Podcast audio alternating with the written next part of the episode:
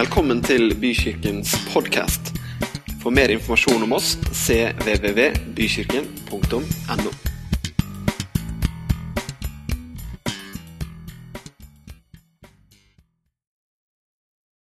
Altså. Jeg heter altså Gunnar og holder til i denne kirka til daglig. For dere som ikke kjenner meg fra før. Eh, har eh, tre barn med en fantastisk kone og syns jeg har et veldig fint liv for tida. Vet du hva? Jeg må, jeg må si noe som, eh, som er litt spesielt og som er utrolig ferskt. Eh, Det var det at i går eh, så spilte jeg fotball sammen med sønnen min og noen kompiser og noen foreldre. Og jeg spilte i to timer, og det skulle jeg jo aldri gjort, for den kroppen er ikke lagd for å spille i to timer. Så jeg var så ødelagt i ryggen. Vet du hva, Jeg var så ødelagt i går kveld at jeg tenkte hvordan i all verden skal det gå? Og fram til jeg kom hit i dag, og så tenkte jeg hvordan, hvordan skal jeg klare å stå og gå og snakke uten at det ser utrolig spesielt ut? Det ser jo litt spesielt ut fra før, men hvordan skal dette gå uten at det ser utrolig spesielt ut? Og så, mens vi sto og lovsang nå, så bare voff, så forsvant smerten. Det er helt utrolig. Det er kjempe, kjempefint. Ja, det er godt, altså.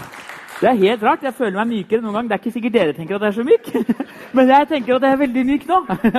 Jeg er fornøyd med den myke kroppen jeg har nå. Det er fint. Det er veldig bra. Så det, det er kult. Og så handler det faktisk litt om dette her i dag, da. Det handler i dag om Skal om vi får det opp på skjermen her. At uh, 'Det går over' er rett og slett tittelen i dag. Det går over.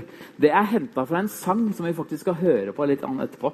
Uh, av en jeg kjenner som heter Trygve Skau, som har skrevet en låt om at det går over. Og på en måte har jeg tenkt at den sangen er såpass eh, den sangen og den teksten er så god i seg sjøl at det kunne ha holdt. Men jeg ser at vi sliter litt med å få opp eh, ting på skjermen her foreløpig. Vi, vi må bare bruke litt tid eh, på å få opp det, for jeg har brukt litt tid hjemme også først. Der, vet du! Nå er vi på! Så fint. Litt, jeg syns jeg hadde en veldig god overskrift. Jeg ser jo nå Magnar, at det, det går over kan bety utrolig mye. Men jeg tenkte at den overskriften er så god at jeg kunne nesten bare gått med den etterpå. Eh, Men jeg ser jo at det må utdypes litt, og det er jo fint, da, for jeg skal jo stå her en liten stund. Så det hadde vært kjedelig om det hadde blitt bare svada. Eh, Men det er vel sånn at livet vårt det leves best og oftest i bølger. Det er veldig sjelden ting går bare rett fram. Eh, og faktisk er det definisjonen på at noe ikke går så bra, egentlig, hvis det bare går rett fram. Du har kanskje hørt om folk som, som må ta medikamenter fordi de er deprimerte. og sånn, og Noe av det de synes er tøffest, det er at du mister de toppene. Du mister liksom at livet er bra i perioder. Ja, du slipper de dype dalene, men du mister toppen, du mister bølgene. Du mister liksom flyten i livet. da. Så det er noe med livet som skal leves litt i bølger. Det skal gå litt opp og ned. Og det er sånn for alle oss mennesker, og det er det jeg har lyst til å snakke litt om i dag. At, at vi må tåle disse nedturene en gang iblant. Det, det, det kommer til å komme. Selv om vi tror på en Gud som er stor, og som er med oss, og som er personlig og nær i våre liv, så opplever vi tøffe ting. Det gjelder eh, alle, det. Alle opplever nedturer. For min egen del, jeg eh, har hatt det tøft i ekteskapet mitt. Jeg har hatt det tøft økonomisk til tider. Jeg har eh, av og til et ganske lavt selvbilde. Eh, jeg sliter med ting. Og det er ikke bare meg som sliter med ting, det gjør du også. Du sliter med ting. Det tør jeg å påstå. At alt går ikke bare bra med deg heller hele tiden. Livet er ikke på topp hele tiden. Livet kan være ganske tøft til tider. Som er en kjempestor kontrast til det vi får oppleve når vi får møte Gud. Og ja, Jesus han er i livet mitt, og han tilhører eh, hverdagen min, og jeg tilhører han. Men det betyr ikke at ting går kjempefint. Det betyr ikke at livet er helt topp hele tiden. Jeg har en mamma som har hatt brystkreft, jeg har en søster som har hatt brystkreft. Jeg har opplevd ting. Du har opplevd ting, og du opplever ting i dag som kan være tøft. Er det ikke greit å snakke litt om det? Noe av det jeg liker aller best med Bibelen, er at den er ekte også på dette her. For vi har masse bibelhelter opp igjennom som vi ser opp til, som vi snakker om den dag i dag. Det er liksom 3000-4000 år siden de levde. Vi snakker fortsatt om det. Moses, ikke sant, som var en stor helt for oss, han drepte et menneske. Måtte rømme fra landet som han hadde vokst opp i. Eh, David, som liksom er en mann etter Guds hjerte, han drepte også et annet menneske fordi han var utro med, med, kone, med, med, kona hans. Eh, Det finnes utallige sånne historier i Bibelen der man ser at livet går i bølgedaler. Det er ikke et sånn mønsterbilde på at å, nå er alt perfekt. Skulle ønske jeg var som Josef. Det er Josef vi skal snakke om i dag, da. Det hadde vært kult å være som Josef, men han hadde det også ganske tøft. Og sånn er livet, dere. Shadrach, Meshach og Abenego de befant seg midt i en brennende altså, ovn der det skulle brennes opp. Da er det liksom fort gjort å tenke ja, det går over. er det det du skal tenke da? Nei, du tenker jo at det er over. Antagelig. Men likevel så valgte de å tro på sin Gud. Likevel så proklamerte de at 'jeg tror på Gud uansett'. Og vi tror han kan redde oss fra denne brennende ovnen som dere har satt oss i. Men hvis han ikke skulle gjøre det, så vil jeg likevel love Gud. Det finnes oppturer og nedturer i livet vårt, og vi er eksponert for de alle sammen. Ikke, det er ingen som er unntatt det. Ikke engang Bent Ove, pastoren vår, er unntatt å, å oppleve ting som er tøft. Alle i livet har det tøft i tider. Jeg lette etter et bilde av Josef på internett. Jeg fant ikke noe. Men jeg fant noen uh, ørkenbilder, så jeg tenkte det, det får duge. Det er i hvert fall litt sånn noenlunde surroundingen som er viktig her, da. De fleste som har vokst opp i kristen sammenheng, som har lest i Bibelen, sånn, de har hørt om Josef. Og de kan kanskje historien sånn Om ikke på rams, så kan de, liksom, kan de den grunnleggende historien her. Så jeg skal liksom ikke dra gjennom hver eneste detalj, men jeg har lyst til å bruke Josef som eksempel på, på livet vårt. Han starter jo med å så Det første vi blir kjent med rundt Josef, er når han drømmer drømmer om at han skal bli stor. At han skal bli satt over sine, sin familie. ikke sant? Så han forteller jo dette her, da. Eh, bobler over av entusiasme. det gjør han. De som tar imot budskapet, blir ikke så begeistra. Eh, disse brødrene de får jo lyst til å drepe han, rett og slett. Men så snakker han yngste, de eldste fra å gjøre det, så de putter han bare i en brønn i stedet. Var raust. Eh, så han havner i brønnen, og så kommer det da en, eh, en delegasjon med handlere eh, forbi. Så tenker de ja, kanskje vi bare skal gi ham bort til de i stedet for å drepe ham. Så det var jo også veldig hyggelig. Så de gjør det. Eh, og Josef, eh, som da eh, for ikke lenge siden drømte om at han skulle bli liksom den største, han er nå solgt som slave til egypterne. Jeg lurer på hvordan den turen til Egypt er for Josef. Den skulle jeg likt å visst litt mer om. Hvordan det er å sitte, Jeg vet ikke om han sitter på en sånn kamel, eller om han antagelig må gå ved siden av. På vei til fangenskap. Ikke ane hva som kommer. Han har blitt lovt av Gud at han skal bli stor, at han skal bli noen som folk ser opp til, at han er noen som blir beæret. Og nå er han ganske langt nede på rangstigen og aner ikke hva som skjer. Fascinerende konsept. Han havner hos Potifar, som eh, jobber for farao. Eh, han ender opp der som, eh, som en slave, men han gjør det veldig bra. Vi kan, vi kan lese litt her. Fordi det som skjer, var at selv om han ble satt til å være en, en slave, så står det at Herren var med Josef og lot ham lykkes. Han ble boende i huset til sin egyptiske herre. Herren hans så at Herren var med ham og lot ham lykkes i alt han gjorde. Josef vant velvillig hos herren sin og ble hans tjener. Potifar satte ham til å styre sitt hus og lot ham ta hånd over om alt han eide. Og Fra den tid egypterne satte ham over sitt hus og alt han eide, velsignet Herren hans hus på grunn av Josef. Herrens velsignelse hvilte over alt han eide, både i huset og på marken. Han lot Josef ta hånd om alt han eide, og bekymret seg ikke for noe, bortsett fra maten han spiste. Som er en litt morsom eh, avslutning på de versene. bare så det er sagt. men, men, eh, men, i hvert fall så var det sånn at Potifar var utrolig fornøyd med Josef. Og kanskje Josef også begynte å føle seg litt bedre. ok, dette ble ikke så gærent.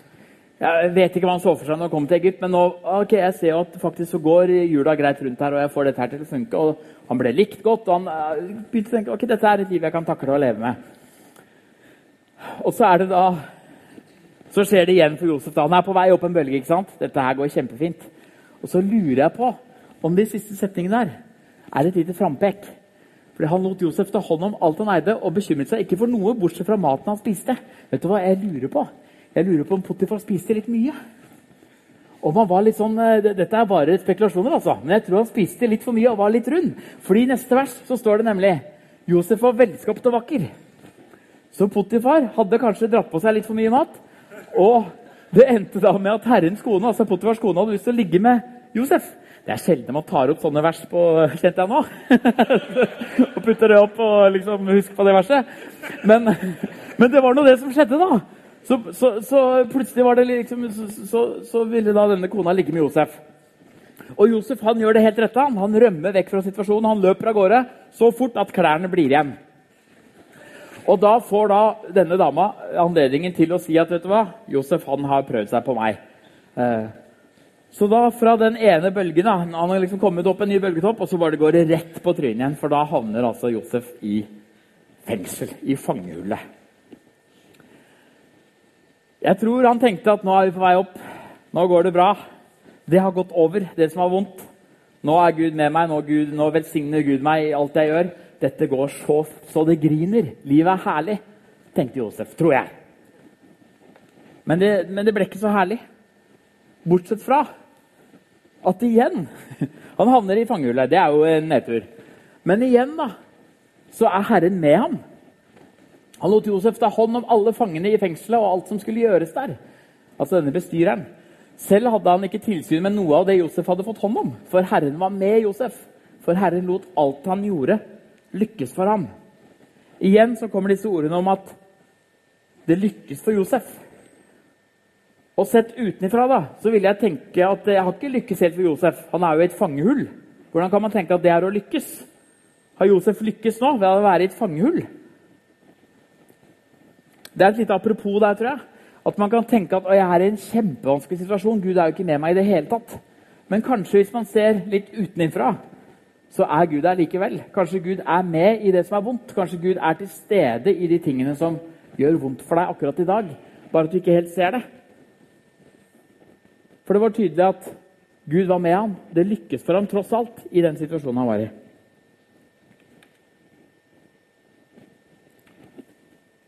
Jeg har en påstand, og det er at Gud er mer opptatt av hvordan vi tar det, enn hvordan vi har det. Det handler ikke bare om at vi skal ha det bra hele tiden. Fordi det, det skjer ting i livet vårt, og hvis vi skulle tenkt at Gud alltid vil at vi skal ha det bra, så måtte vi ha tenkt at Gud ikke bryr seg nok, fordi jeg har det ikke bra hele tiden. Det skjer jo teite ting i livet mitt. Men Gud ønsker at vi skal bruke livene våre være til stede i livene våre på en måte som gjør at han får prege det. Som gjør at han kan prege karakteren vår, at han kan utvikle oss, at han kan gjøre at vi tåler mer. Gjøre at vi ser hvem han er, uansett hvordan vi har det sjøl.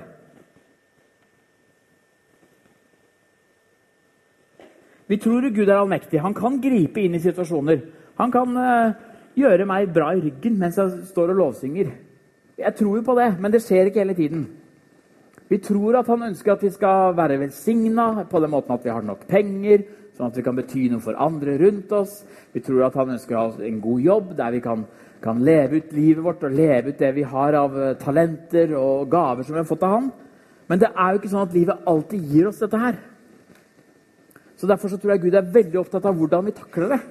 Gud er veldig opptatt av hvordan vi kan leve i motgang sammen med Han at det kan lykkes for oss selv om vi har motgang. Det står at han er en eh, god far som vil gi gode gaver til sine barn. Og det er jo akkurat sånn jeg har det med mine barn også. Jeg vil at de skal ha det godt materielt sett. Jeg vil at de skal kunne utvikle seg og, bruke talentene de har fått. Bruke livet de har fått, best mulig.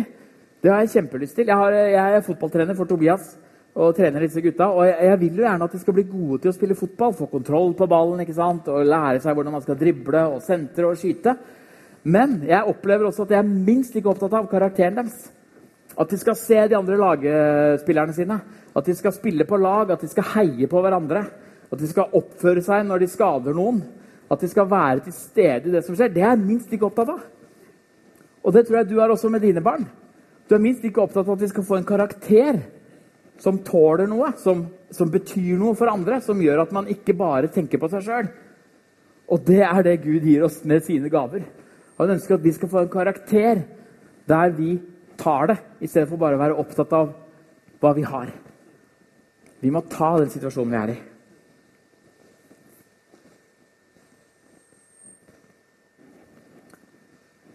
Dette verset ble jo lest opp i dag eh, da vi starta. Det er fra David. Mest sannsynlig. Som eh, vi har så vidt vært innom. Eh, opplevde litt av hvert i sitt liv, men som var en mann etter Guds hjerte. Og han sier til seg sjøl, 'Lovsyng Herre, min sjel'. Han sier at 'jeg skal lovsynge Herren'. Han befaler seg sjøl å lovsynge. Befarer sjelen sin. Du må lovsynge Gud. Jeg må lovsynge Gud. Synge og spille for min Gud så lenge jeg er til. Det handler ikke om hvor bra jeg har det. Det handler ikke om hvilken situasjon jeg er i, men det handler om at jeg må uansett strekke hendene mine opp til Gud og si, 'Gud, du er større enn meg.' Takk, Gud, for at du er til stede i livet mitt uansett. Takk for alt det du har gitt meg. Takk for alt det du er i livet mitt. Takk for alt det jeg har rundt meg. Det tar jeg som en gave fra deg, Gud. Så gir jeg det tilbake til deg. Du er størst. Jeg vil lovsynge deg, lovprise deg. Sette Gud høyest. Opphøye Gud i livet. Det kan tyde på at Josef hadde det som en sånn grunnleggende eh, En slags hva heter det, grunnmur. Grunnleggende grunnmur i livet. At det var noe av det Josef fundamenterte livet sitt på. For han kan ikke ha hatt det lett. Det tok eh, Det tok eh, Altså, han var i fangehullet, og så kommer det da to menn til i dette fangehullet, som også de jobba da for faraoen. Det var en, en bakemester, og så var det en overmunnsskjenk som da hadde havna i unåde hos faraoen. De har en drøm som de forteller til, til Josef, som han tyder. Og I korte trekk så går det ut på at bakemesteren dessverre kommer til å dø. Mens overmunnsskjenken han blir tatt i nåde hos eh, faraoen og blir, eh, kommer til å bli ansett igjen og bli, få tilbake posisjonen sin. da. Så Josef han sier jo da til, eh, til denne overmunnsskjenken husk på meg eh, når du eh, kommer opp dit. Jeg, jeg, er helt uskyldig her i dette fangehullet. Han tenker kanskje at nå går det opp igjen. Men det går to år til. For denne overmunnsskjenken han glemmer jo fullstendig Josef. Så det går to år til før Josef får muligheten til å møte farao. Da husker overmunnsskjenken på hva, hva, hva, Josef er god for, nemlig å tyde drømmer. For da har farao en drøm som ingen andre kan tyde, og Josef får muligheten til å tyde den. Og der, der kommer vi inn på litt kjernen, tenker jeg, av hva Josef har oppdaga i disse versene her. For Farao sa til Josef, 'Jeg har hatt en drøm, og det er ingen her som kan tyde den.' 'Men jeg har hørt om deg, at når du hører en drøm, kan du tyde den.'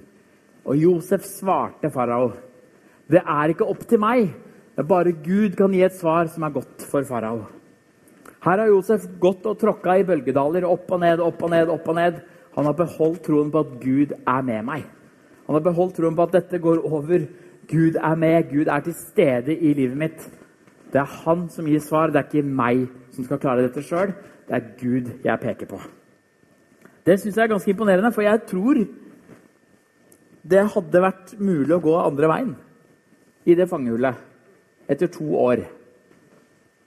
Så tror jeg det er fullt mulig for ganske mange å tenke at Gud er ikke med meg. Jeg tror det er ganske mulig å bli bitter. Blitt lurt opp i stry, blitt lurt av hun der dama som uh, satte meg i dette fangehullet. Det er ganske kort vei dit for veldig veldig mange mennesker. Hva er hemmeligheten til Josef? Han har holdt fast på at Gud er med meg. Han har holdt fast på at det jeg har av talenter og egenskaper og evner, det har jeg fått fra Gud. Det er det bare Gud som har gitt meg. Han har klart å holde fast på det og unngått å bli bitter i det som er tøft.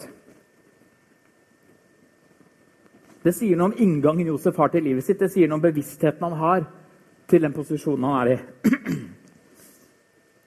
Og det ender opp med at Josef får styre i landet. Farao sa til tjenerne sine, 'Finnes det en mann som denne, en som har Guds ånd i seg?' Så sa farao til Josef, 'Siden Gud har latt deg få vite alt dette, er det ingen så forstandig og vis som du.' 'Du skal styre mitt hus, og hele mitt folk skal rette seg etter det du sier.' 'Bare når det gjelder tronen, skal jeg være større enn deg.' Nå snakker vi bølgetopp igjen, gjør vi ikke det? Nå blir han plutselig satt til å styre et helt land. Bare farao over seg. Over seg. Det gikk over for Josef. Jeg tror han tenkte det da. Nå er jeg liksom der jeg skal være. Og så uh, gjør han det med en uh, ydmykhet. Han har kommet dit ikke, ikke pga. hvem han er, men pga. hvem Gud er. Han har kommet gjennom de tøffe tingene fordi han har holdt fast på Gud hele veien. Når det har storma som mest, når det har vært som mørkest, så har han stolt på at Gud er der sammen med ham. Og så er det ikke over, da. Vi har jo noe bagasje, alle, alle vi mennesker. Det er ikke over for Josef heller. Og jeg er også veldig spent på hvordan dette altså Dere husker kanskje hvordan dette her var. da. Det var jo, I korte trekk så, så, så var drømmen til farao handlet om at det skulle bli syv gode år og syv magre år. Sånn at de kunne spare opp til å tåle skikkelig skikkelig hungersnød. Så det, jeg tror vi er sånn midtveis i den vonde perioden. på to, Det har gått to-tre år i den vonde perioden, så det er ca. ni år da, etter dette her. Er ikke, er ikke, det riktig? Jeg tror det er riktig. Sånn røftlig ni år etter denne drømmen til farao. Aner ikke hvor Josef er i livet sitt, om han bare lever det kjempegodt og har det veldig fint, eller om han av og til tenker på familien sin. Men plutselig i hvert fall, så kommer fortida til han, for der står brødrene hans rett foran ham. Bare livet bare wow, kommer til Oi, det var dette her det handla om, ja.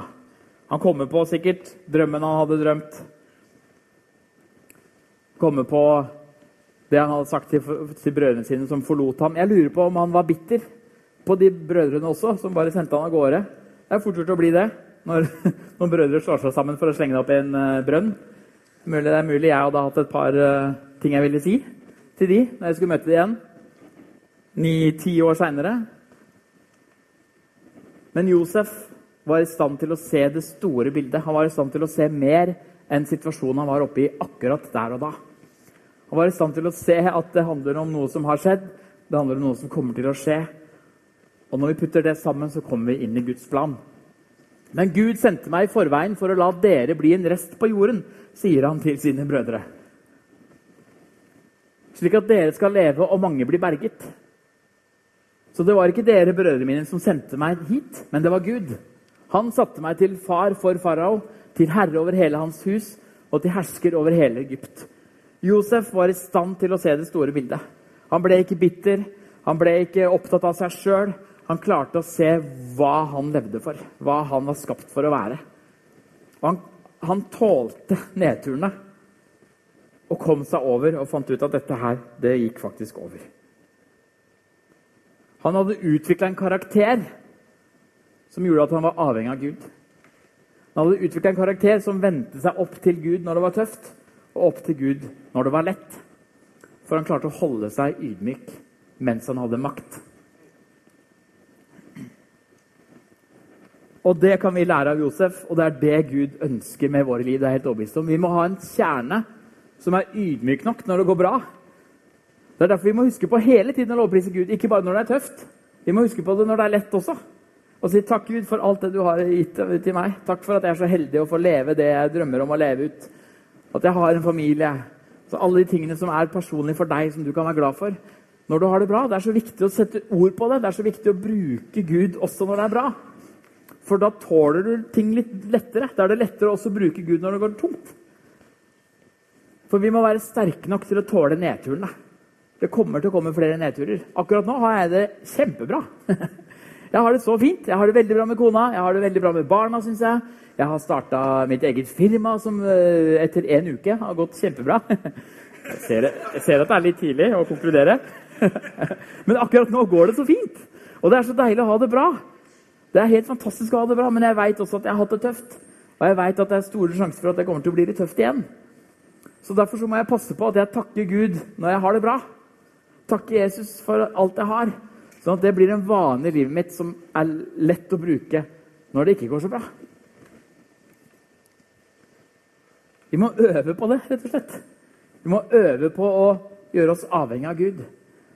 Vi må øve på å hele tiden ha Han med i livene våre, sånn at han blir lett synlig også når det er vanskelig. Vi skal høre på den låta 'Det går over' som er skrevet av Trygve Skau. Eh, og han skrev den til en kompis som rett og slett hadde det skikkelig tøft. Så jeg skal ikke si så mye mer enn det. Vi må bare høre på den.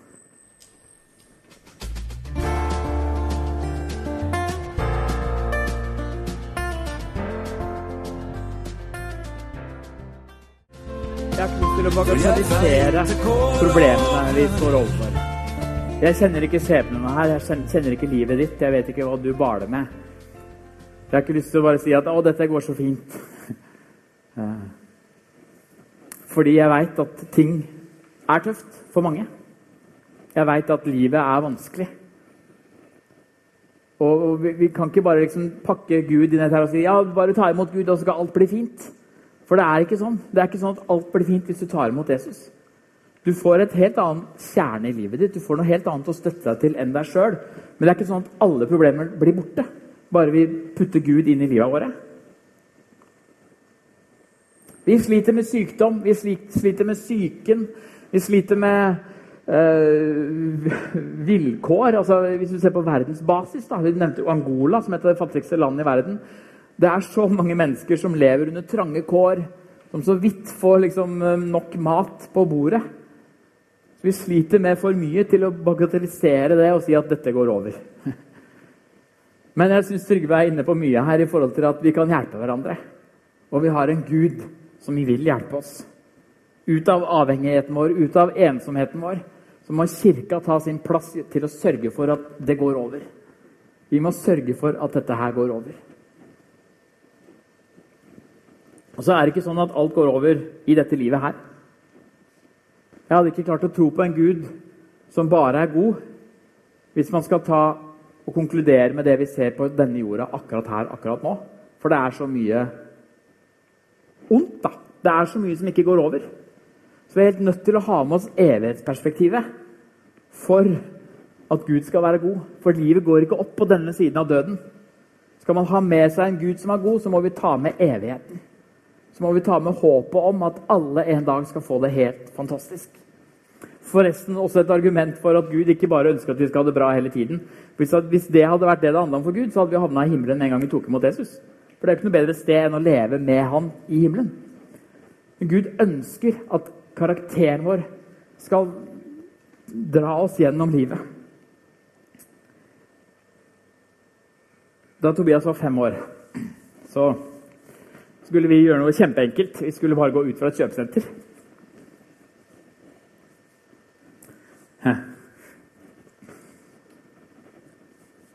Dette hadde jeg øvd på, da, så jeg ikke skulle begynne å grine med en gang. Jeg har jo avslørt at her skjer det noe. Vi, meg og Kristin vi holdt på med Mia, vår jente som da var bare et år gammel. og, og et eller annet med noen buser i nesa og sånne skikkelige greier. og så, så var vi bare på vei ned eh, til, til parkeringshuset. Og så ser jeg Tobias løpe ut. Og så rekker jeg å tenke Hva skjer nå? Jeg rakk ikke å rope etter han. Og det neste jeg ser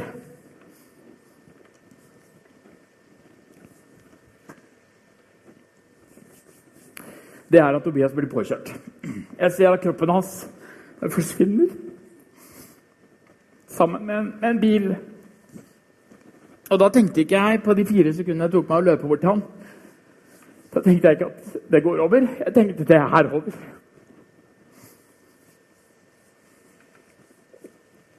Og hvis jeg hadde stoppa historien til meg og Tobias der, så hadde ting sett fryktelig mørkt ut. For jeg visste ikke hva som skulle skje. Jeg visste ikke hva som hadde skjedd. Heldigvis så hørte jeg at han gråt, han skreik. Jeg fikk han opp i armene.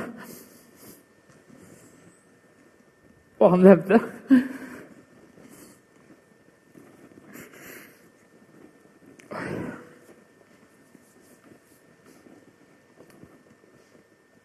Uh, han levde.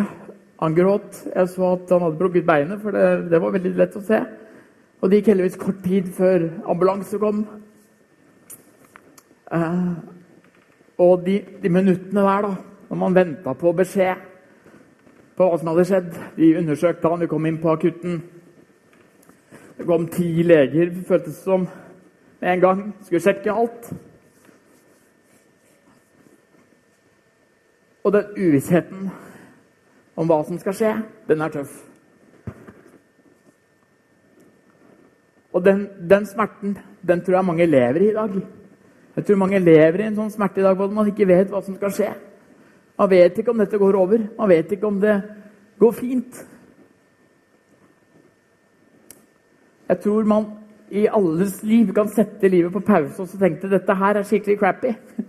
Jeg tror det går an å gjøre det med alle de livene som sitter her representert her i dag. Man kan sette det på pause i en gitt situasjon og tenke at dette her, dette går ikke over. Men Gud han ønsker at vi skal se på han, se til han, og kjenne at han er der uansett.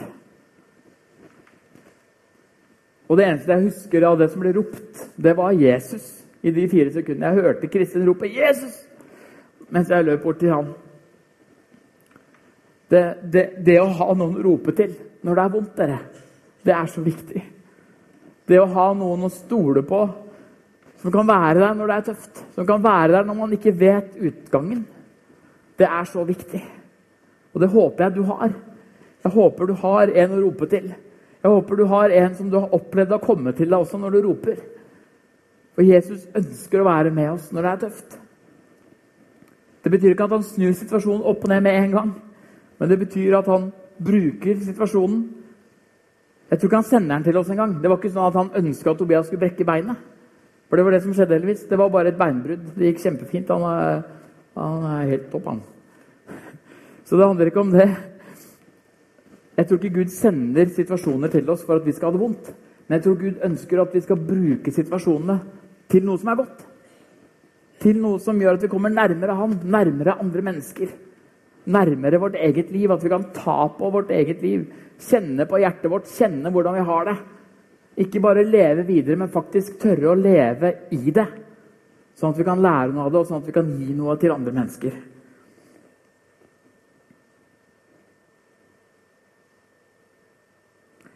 For selv om vi sier, og selv om jeg tenkte med Tobias da, at det er over, så er det noe helt annet når en annen sier det. Fordi Jesus sa det nemlig. It is finished, sa han. Det er over. Det er fullbrakt. Det er den store hemmeligheten i livet dere. At det er ikke opp til hva vi gjør. Det er ikke opp til hva vi skal få til, det er ikke opp til hva vi skal leve ut. Men det er opp til hva Jesus har gjort for hele menneskeheten. Det er den største hemmeligheten livet har å by på. er at Jesus han har sørga for at det er over.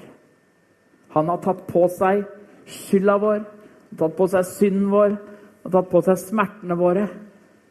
For at vi skal få oppleve hvem Han er, og hvem Gud er. Og når vi får ha det som en hemmelighet at Gud har faktisk gjort dette her for meg Han har sørga for at de store linjene de er på plass. Jeg ser helheten, Jesus, i mitt liv. Jeg ser at du har skapt meg. Du elsker meg. Du ønsker meg det beste men du ønsker også at jeg skal bruke livet mitt til det beste for andre mennesker. Josef så at hans liv, hans smerte, det han hadde gått gjennom, det var nødvendig for den store helheten. På samme måte som ditt liv, det du har opplevd, med eller uten Gud, det er nødvendig for de menneskene rundt deg. Det er nødvendig for at du skal være den du er.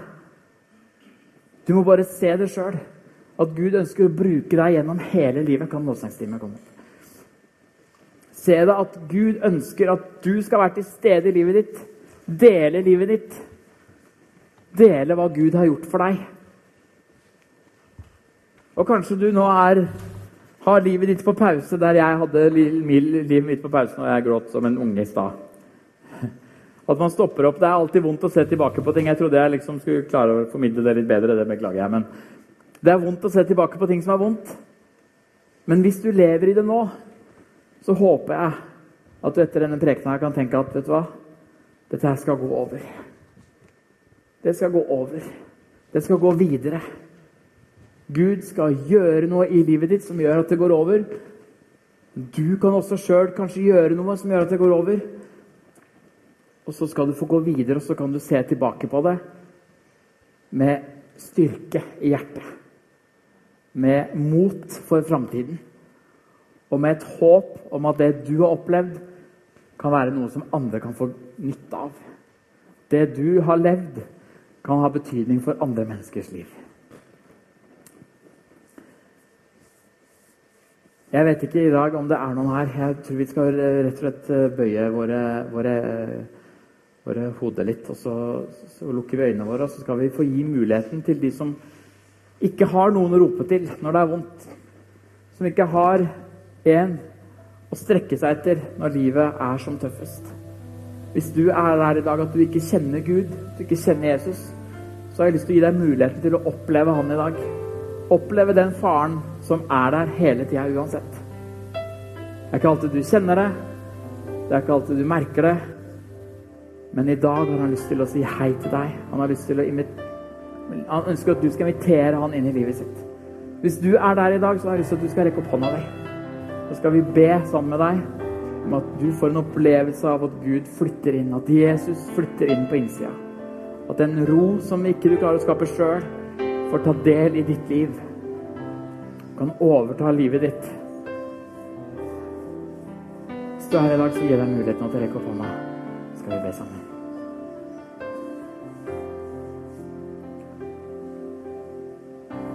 Kanskje du har tatt imot Gud. Kanskje du lever med Jesus, men du har det fortsatt vondt. Du har fortsatt ting som er tøft i livet ditt. Kan ikke du rekke opp hånda, så skal vi be om at det går over? Rekk opp hånda di nå, så skal vi be om at det går over. Det er mange hender her.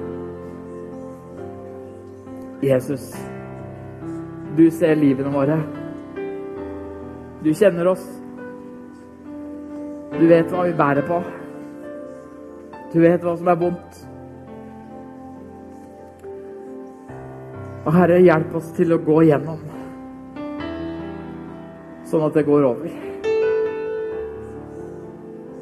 Hjelp oss til å ta imot hjelp av deg og andre mennesker rundt oss, sånn at ting kan gå over. I Jesu navn ber vi om at din kraft, din makt, din helbredelse, din tilstedeværelse skal helbrede oss. Skal fikse opp i situasjoner. Gi oss mot til å endre, opp, endre i relasjonene våre. Gi oss kraft til å stå på når det gjør vondt.